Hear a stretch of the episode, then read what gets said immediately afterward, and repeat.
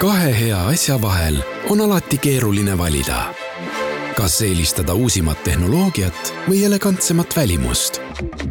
uue Toyota Camry täishübriid elektriautoga on valik lihtne. see on lipulaeva elegants, mugavus ja turvalisus. uus Camry Hybrid koos viimase põlvkonna Toyota Safety Sense ohutuspaketiga. Camry Executive on nüüd eriti hea tutvumispakkumisega. vaata lisa toyota.ee. ruupor.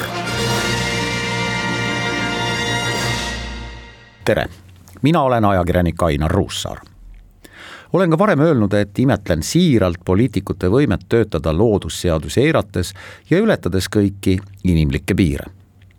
ilmselt sellepärast ei ole ma ise poliitikasse läinud ja sellele tõsiselt mõelnud, kuna hindan oma võimeid tagasihoidlikuks. võimalik, et ma alahindan ennast, aga asja juurde kolmapäeva õhtul kiitis Riigikogu heaks seadusemuudatuse, mis lubab Euroopa Parlamenti valitud Eesti poliitikul mitte ainult kandideerida, vaid valituks osutumise korral ka osaleda kohaliku volikogu töös.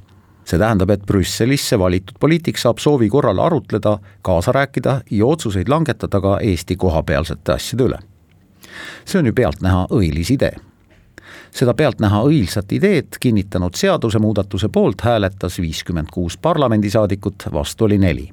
Erapooletuid polnud aastate eest käis vaidlus selle üle, kas Riigikogu liige võiks istuda samaaegselt kahel toolil, Toompeal ja kohalikus volikogus.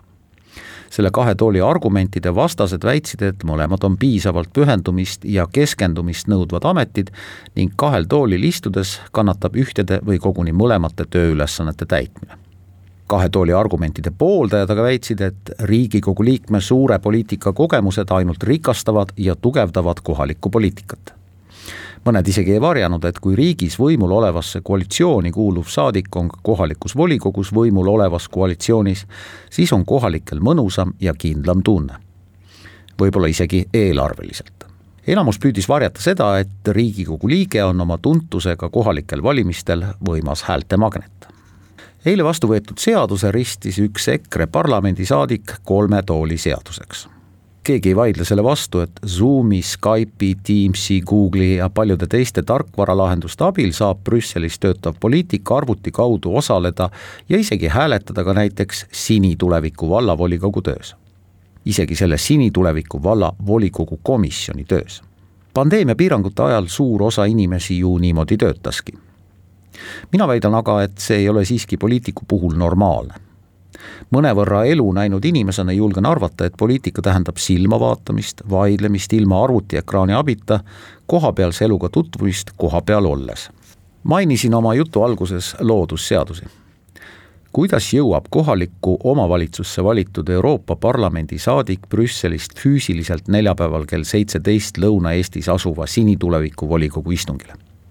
Selleks, et teha oma tööd mõlemal pool korralikult ja ausalt, on tal Euroopa südames asuvast istungite saalist aega jõuda sinituleviku volikogu istungite saali kaks ja pool tundi eile vastu võetud seadusemuudatusest ja ka seletuskirjast ma sellele füüsikaseaduse lahendamisele ühtegi tõlgendust ei leidnud. aga seadusandja selleks ongi, et seadusi teha. täna üllatas EKRE uue huvitava eelnõuga, mis võimaldaks jätta erakondadesse kuuluvate inimeste nimed salajaseks ehk siis liitu meie parteiga, aga peale sinu ja parteipaari ustava juhi ei tea sellest mitte keegi mitte midagi. EKRE väidab, et erakonnaga liitunu nime avalikustamine võib olla sellele inimesele ohtlik. see on nüüd küll midagi täiesti uut. kas tõesti peaks inimene tänases Eestis kartma oma elu, tervise või heaolu pärast, kui ta omab maailmavaadet ja liitub mõne parteiga? Kas tõesti on tänases Eestis mõni erakond, millesse kuulumise pärast võiks kogukonda piltlikult öeldes risti lüüa või teistsugust maailmavaadet omav naabrimees haamriga maha lüüa? mina ei taha elada riigis, kus inimesed peaksid oma maailmavaateid ja parteilist kuuluvust häbenema või seda varjama. ruupor